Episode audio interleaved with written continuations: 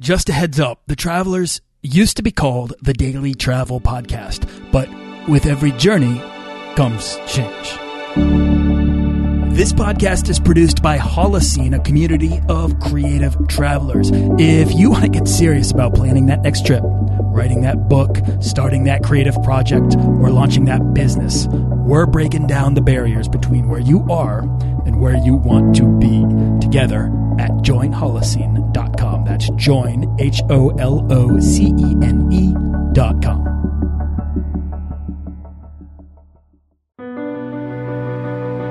This is episode number nine with Jody Ettenberg. Do you want to travel further and more often to visit new places and meet new people and expand the role that travel plays in your life? I'm your guide, Nathaniel Boyle, an explorer that wants to help you get out, see the world, and find meaningful, life changing experiences. Everyone wants to be adventurous and have great stories, to do the stuff of legend. This is the Daily Travel Podcast. Before we get started, I want to give a quick shout out to rocketmiles.com, a site I've found personally lucrative. If you find yourself paying to stay at hotels regularly, then this is a good resource for you. Rocket Miles will give you a minimum of 1,000 miles and up to 5,000 miles per night at the same cost of other hotel deal sites. So either you can pay money or you can pay money and get miles. Whether or not I end up using them, they're usually my first stop when I need to pay for a hotel night. And that's today's resource of the day. And all of the resources mentioned on this show can be found at dailytravelpodcast.com slash resources. I curate them from personal experience and the recommendations of all my guests who are amazing world travelers and industry experts. So whatever it is you need help with, there's a good chance there's something there that's got you covered. Okay, after saving up as a lawyer in New York City, Jody Ettenberg took a career break to see the world for a year. Five years later, she has yet to return while manifesting what most would consider a dream career as a travel writer, eater, speaker, soup expert, and authority in street food at her website, legalnomads.com. Uh, I'm thrilled to have her on to talk about travel and its relationship to career transitions, and of course, street food, which is there's very few things that excite me more than street food. So, Jody, what's up? Thanks for coming on the show. Hey, Nathana, thanks for having me. Awesome. So, where are you coming from right now? Right now, I am in uh, Saigon in Vietnam, the southern uh, southern side of Vietnam, Ho Chi Minh City, as it is now known, but still called in Saigon. While you're while you're in the city, people refer to it still as such. And uh, I've been here for a few months uh, since January. I went last year and just really fell in love with the food and how the culture really does center around food here. So I decided to make it my winter home again this year. It's amazing. Okay, so I kind of gave a general overview of who you are, but I want you to tell us about yourself and how you got started traveling. Sure. I think it's common to to assume that I was a corporate lawyer and I burnt out and I just fled and started traveling instead, which is a narrative that you know makes sense given the facts. But actually, what happened was that uh, I had really wanted to do the Trans Siberian trains as a month long trip or a longer trip, and I saw a documentary about them when I was younger, um, and I just really over the years sort of kept that with me and when I got a job offer to work in New York as a lawyer, I decided I would save up as much as I could during the period of time that I was working there. I'm from Montreal, so salaries were actually quite a bit higher in New York, and it seemed like a great way to get started on this dream I had. Um, when I had left in 2008, my plan was really just to do one year of travel. I never you know, quit to be a travel writer or to write about food. What I started my blog for was just to keep my mother updated about my life, to be honest. She uh, has always been really supportive, but I thought that the visual component would be helpful as well in terms of what she could feel that she was a part of. And so I started it up. Legal Nomads made sense. I was with another lawyer um, who was my opposing counsel actually on a deal. And we set off in April of 2008. Uh, we split ways pretty quickly because we had different uh, desires of where we wanted to go, and we're still really good friends. Uh, but I kept up with the site. She didn't love writing, and the rest really just fell into place over the years. I became um, more and more involved in food and how food is a great tool to learn about a place and wrote about it more. My readers seem to jive with that as well. And the site has grown and grown by itself over the last uh, six years. April 1st will be six years. And it's got about a million people a year, according to my WordPress annual report, over a million for 2013. Wow, that's congratulations. Thank you. Yeah, I was surprised. I don't pay that much attention to the stats. And so when I got the annual, it's like, click here for your shiny annual report. And it's in this form of an infographic. And I clicked and I was like, wait, what? this, this, is lovely. okay. No, that's so cool. All right. So I think it's great that the Trans Siberian is what kind of inspired you to get out there and travel because that's exactly what inspired me to take my round the world trip in 2007 and then into 2008. So you were probably like nipping at my heels there, um, which is really cool because we probably were closer than we thought. You said that it wasn't that you were unhappy at work. You you actually still enjoyed being a lawyer. Am I correct? I, I didn't enjoy it in that I saw myself feeling passionate about being a lawyer sufficiently to keep me happy. You know, I I don't think it's fair to say to people, you know, find your one passion in life. That's fair. It's a lot of pressure, uh, as much pressure as it would be in a traditional sense to you know find a job that your family considers great, and you know the stereotype of what a traditional lifestyle would mean. Um, the unconventional lifestyle also puts a lot of pressure on you, and I think that's not healthy either. What I wasn't happy with was that I didn't feel like I was exploring the world, and and I wanted to go out and to, to see it myself, and then come back and get a job. I thought in more of a advocacy or, or sort of nonprofit role that would include sort of stages or sending me abroad for months at a time. Um, so the travel component and the getting out there and experiencing it was always a part of the kind of job I foresaw enjoying. I liked being a lawyer. It kept my brain sharp. Um, it was interesting. I worked on really interesting deals. I had great colleagues, and my clients still read my site and they stay in touch with me, which is really great. Um, but it wasn't it wasn't something that I was excited about in the way that I wanted to be. And for people who want that on a day to day basis in their work, you know, then then they have to if they have the privilege of being able to choose to do something else, then they can, right? Right. So I often ask, like, what was it? Why travel? Why do when when I hear about a uh, a career break or a transition in life, a lot of people obviously turn to travel. I think it's because people view that as the opportunity. But for you, it seems like it was more like your career break, your your decision to take off was more of a calculated decision for your career. Like you weren't concerned about it being a bad move on your resume.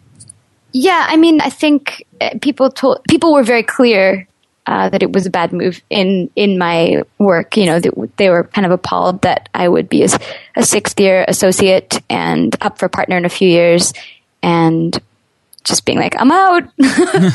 um, but you know, I had pictures of where I had been in the past on my wall, and everyone else had degrees and they asked me why and I told them the degrees were under my bed. I mean, there was definitely, I was definitely standing out already as someone who was a little different.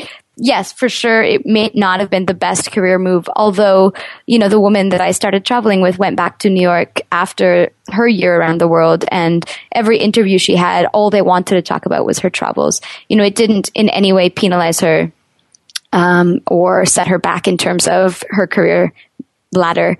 But for me, I, I saw it as something transitional.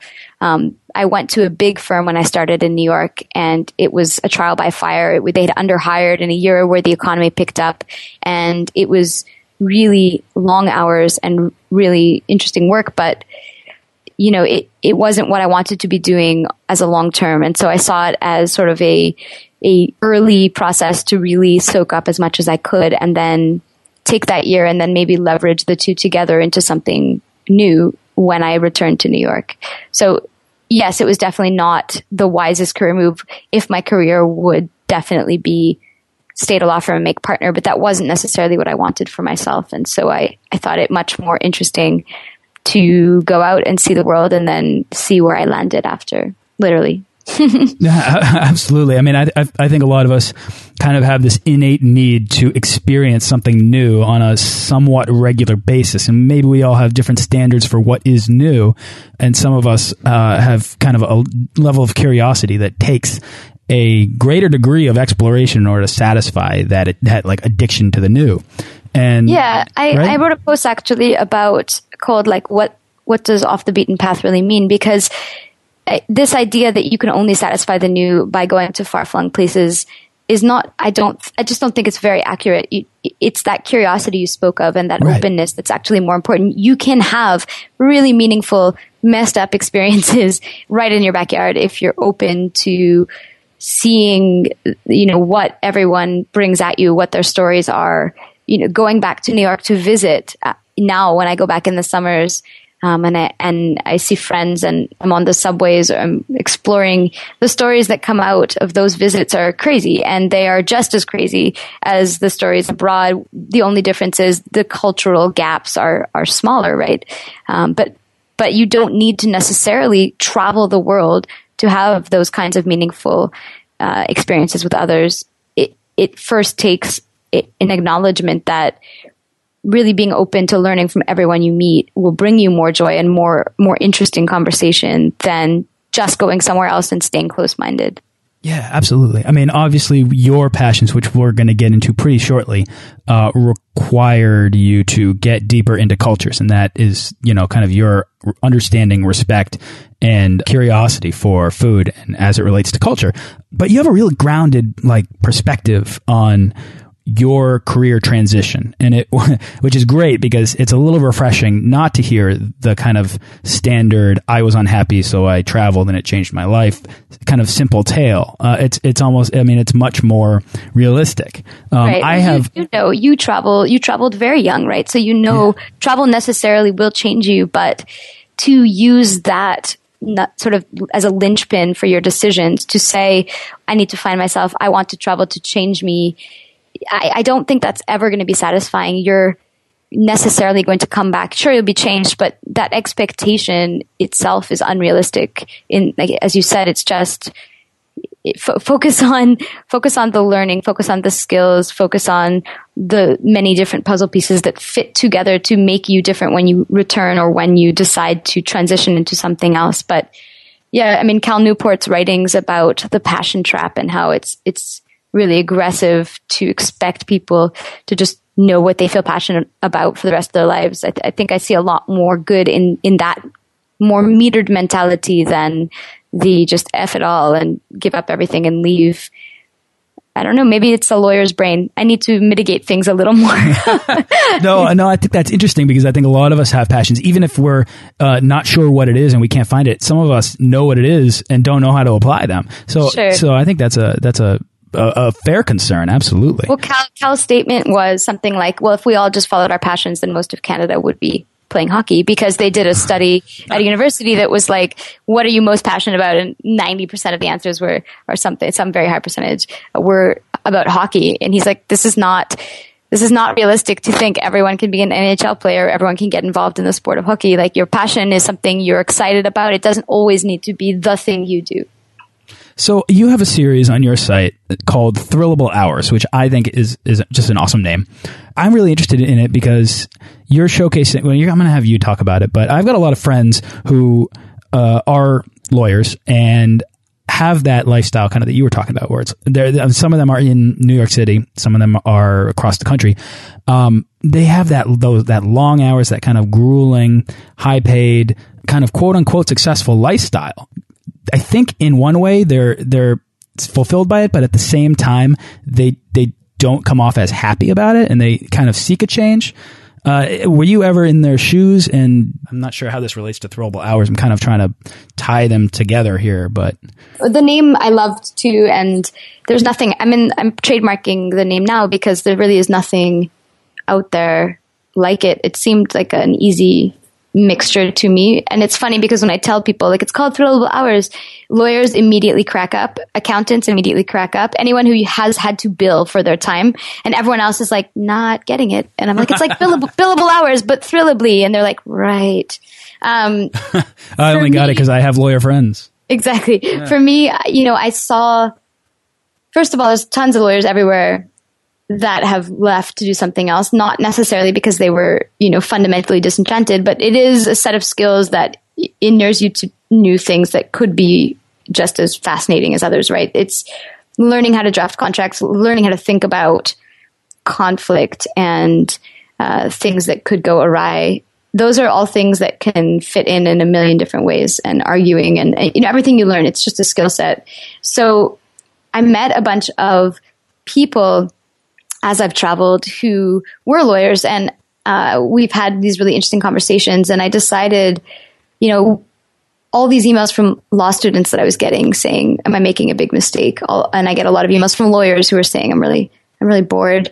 I wish there are more people like you who we could look at as case studies, think about the options." And so that's what really got me started on this series. Um, and the first person was Naomi Duguid, and that was back in, um, I think, 2011. And she's amazing. She's a James Beard award-winning cookbook author. She's one of the most warm and generous human beings I've ever met. She's been a great mentor since we bonded when we met. We sat on the floor of her apartment in Chiang Mai um, and just talked for seven hours.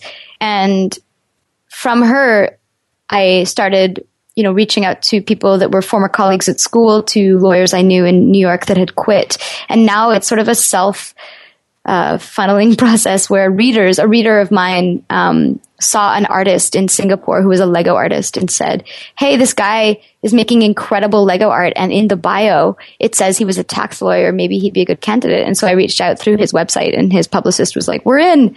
And, you know, it's one of the more popular ones, partly because I ask the same questions. And the last one is, what do you say to people who tell me lawyers can't have fun? Because that was the reaction. The joke that I got when I quit was, well, lawyers can't have fun, Jody. and so I threw it in as like a fun question at the end. And his answer was, you're right. They're right the worst day as an artist is still better than your best day as a lawyer, which is quite an indictment.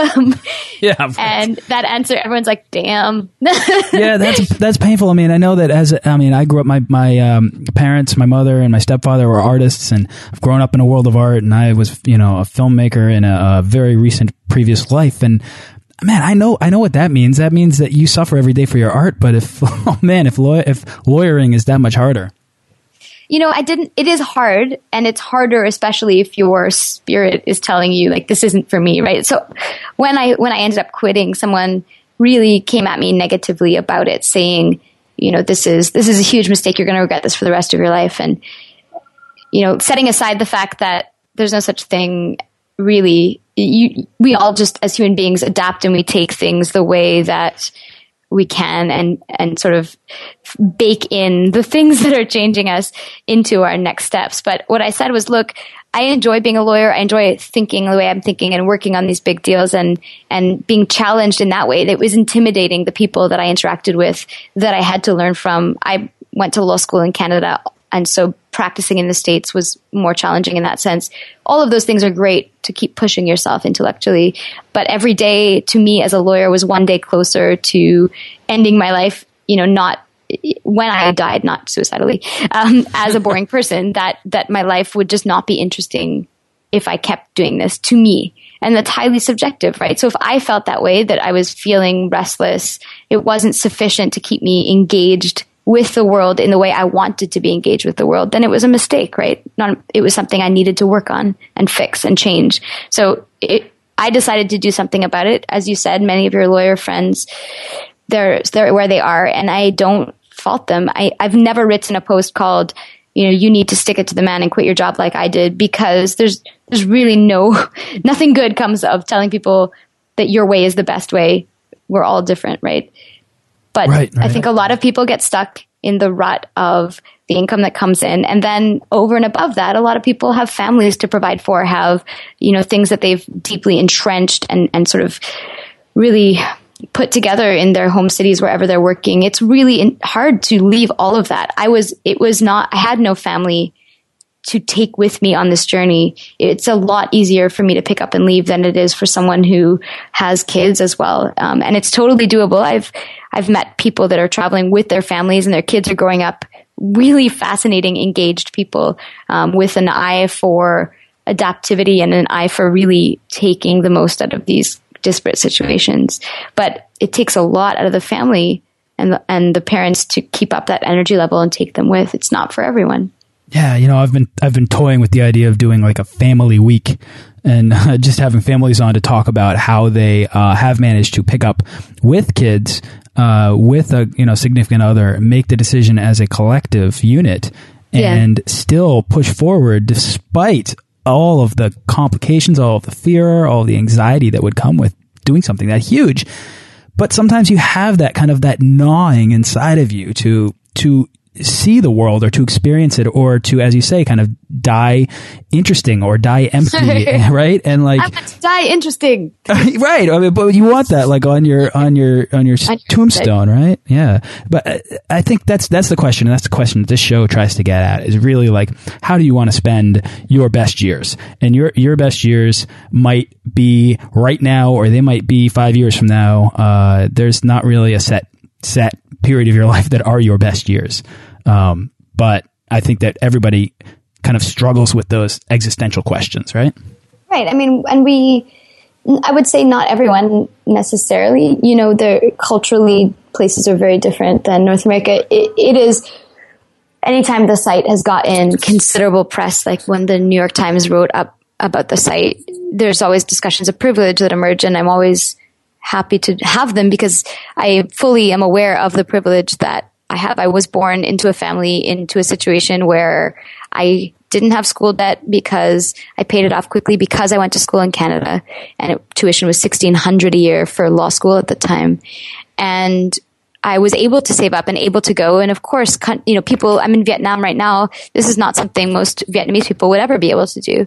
Um, I think it's really important when we talk about these things to just try and I don't know, make it clear that that even having the option to do it is itself somewhat of a gift and and not said that I'm not saying that in a trite way but it's really it's really important to also maintain appreciation of the decisions you make. Like it, it, at any point if I decide this is not what I want or that I couldn't kind of make it work income wise by building what I'm building and I go back to something like the law or something else you know, just having had that period or having had the ability to go out and do that, that's a really generous thing that life gave me that not everyone can even think about doing. Right. I guess it's kind of a delicate balance between having the recognition and ability to choose to travel you know beyond your means or for a, a greater duration maybe than is mm -hmm. considered normal balanced against something that what like not having not having the means well even just thinking about our our prior generations right my grandfather who's 95 now was like this whole doing something that makes you happy thing makes no sense to me you know he's like i want you to be happy but i just i don't understand that that's your rationale for leaving like to be more happy he just of course his generation had there was during a time of war. There was no ability to just be like, you know what? I'm gonna I'm gonna do this. And some people did it for sure. And there were you know explorers. And had we social media at the time, I'm sure we'd be hearing more about them. But right. that there's also something even within the silos of our own societies, like in North America or wherever we may come from. Not Vietnam, not a developing country. Those of us who've decided to leave, even generationally, there's a huge lacuna between the philosophies, right? Telling my my family I'm going to leave to them was, you know, surprising, not as appalling if it was as if it was 50 years ago. But I do get emails from parents that are like, why are you being so irresponsible? My son wants to be irresponsible now because of people like you. and, and I have a canned response on Google that I use because I use Gmail. Canned response is be- called angry parents because it's that common. Because, because it's common and because it's worth engaging and, and I reply and I'm like, look, I agree with you. It sounds selfish. It's, it's not how you were brought up. It's, it seems like wasteful to you, but talk to your kid and ask why. What do they want to gain? How do they want to use what they do to leverage them to be in a better place in life? And there are certainly some people who just want to go and do travel for the sake of travel and not have um, the kind of, you know, maybe strategic aspect of it that I had. But when these parents are writing me, usually their kids are not like that. And they, one of them wrote back and said, Oh, he's a military photographer and he wants to travel because he wants to go to different military bases and learn how to take different photos of planes and then to come back and you know build a school to teach the same thing. I had no idea and thank you I wouldn't have asked him. And and I've signed up for your blog now. Like they usually they're convertible. But, yeah. But I think it's important great. to have those discussions because Very. there is a gap fundamentally in the way that we in 2014 are treating decisions we have in life. You know, my stepmom, who's wonderful and who has been supportive, at some point was like, I just don't understand. Don't you want a house? And I was like, but I wouldn't be living in it. And she was like, yeah, I guess that's true. You know, just these ideas like, at, okay, Jody, you're over 30. You're supposed to have a home now it's right, it's right. it's deeply ingrained and and challenging that is something that a lot of people ha- you know react negatively to instinctively and it takes kind of coaxing out the rationale behind it and explaining you know I'm not trying to just disappear. I mean this is not an into the wild story you know? I I'm doing something that I'm excited about. It happened organically. I'm trying to learn as much as I can as I go. I'm not doing this to sort of reject what society has told me I want, but rather to be richer in the way that I experience my life. Yeah, I, I, mean, I think that resonates. That resonates very deeply with me, and I would imagine that resonates a lot with with a lot of people listening. Maybe a lot of lawyers listening. Uh, if I'm if I'm lucky enough to have a bunch of lawyers listening. All right, I can't believe we've been talking for as long as we've been talking, and we haven't said the word food. So you know, like all right. So I want to I want to talk about street food. Mm -hmm. uh. I want to completely shift gears uh, because I believe it's one of, if not possibly the best way to learn to learn about a culture, uh, and, and, through whether it's home cooked food or it's street cooked meals. Um, you're even offering food tours on the streets of Ho Chi Minh. Is that correct? Yeah, it is. I mean, ish. Yes, it is. I am doing that, but it wasn't my decision, really. I'm happy to be doing it. It was my readers who were like, Jody, please feed us. Jody, can we pay you to feed us? Over and over. And finally I was like, fine, I will set up a website and you can come with me and eat. Cause I kept saying I'm not a food expert. Like, I think the act of finding food is part of the adventure itself and learning through the vendors and learning from the stories. Using food as, to me, is the best lens to soak in everything the history, the culture, the anthropology, all that stuff. Um, but I am cognizant of the fact that I'm not a trained food person. I'm, I didn't go to culinary school. I'm not an anthropologist. So I didn't want to put out food tours and be like, hey, I know everything, come hang out. Um, but my readers were just like, look, we read your site. We want to know where you like to eat. That you can show us. So let's do this. And that's when I, I said, okay, that's what I did. Um, so yeah, they've been really fun. My, the ones I do in, so they're built under jodyeats.com because my goal was never be on TripAdvisor. Basically, I don't want to, I don't want to be a Saigon site. Like there's plenty of food tours that are like es- established here and that are, are doing sort of vegetarian and soups and all these different things. My goal was wherever I am in the world, if I love eating somewhere, I can offer these as sort of a pop up almost. And I'm starting here because I love it here. I may be back next winter as well. I mean, I really do enjoy spending time in Saigon. But once I'm here, when I thought about formulating the tours, what I basically did was Saigon's food is really different um, from the north. But what is interesting is that you can get food from every part of the country in this one city, and you can taste all of Vietnam. Uh, despite being in this huge metropolis. So each of the tours, and I do a morning and a night one, and then there's an entrails version for snacks, which is really fun, but most people are scared of it. uh, I try and give a, a, dish from every region of the country and then talk about the history of how it got there. So, like the soup coming down here in 54 when the country split, um, and then hu tieu, which was a soup made from, it's tapioca noodles, usually, although it's now morphed into all sorts of other versions. Um, that was the morning soup often before the came down and became more popular there are all these different dishes and through each of them you can learn about how the country has formed over the last you know few centuries so you know i took these places i already love to eat at and built an itinerary where i could talk about the history of the old citadels a bit and how colonization changed the way vietnamese people eat their meals yeah, I mean that, that sounds great. I mean, Jody, saying that you you uh, kind of set this up reluctantly. I mean, you sound like a reluctant leader of sorts. You know what I mean? Like, like you're kind of uh, like you're like, oh, no, I didn't really want to do that, but here's a couple knowledge bombs that I'm going to drop on you about.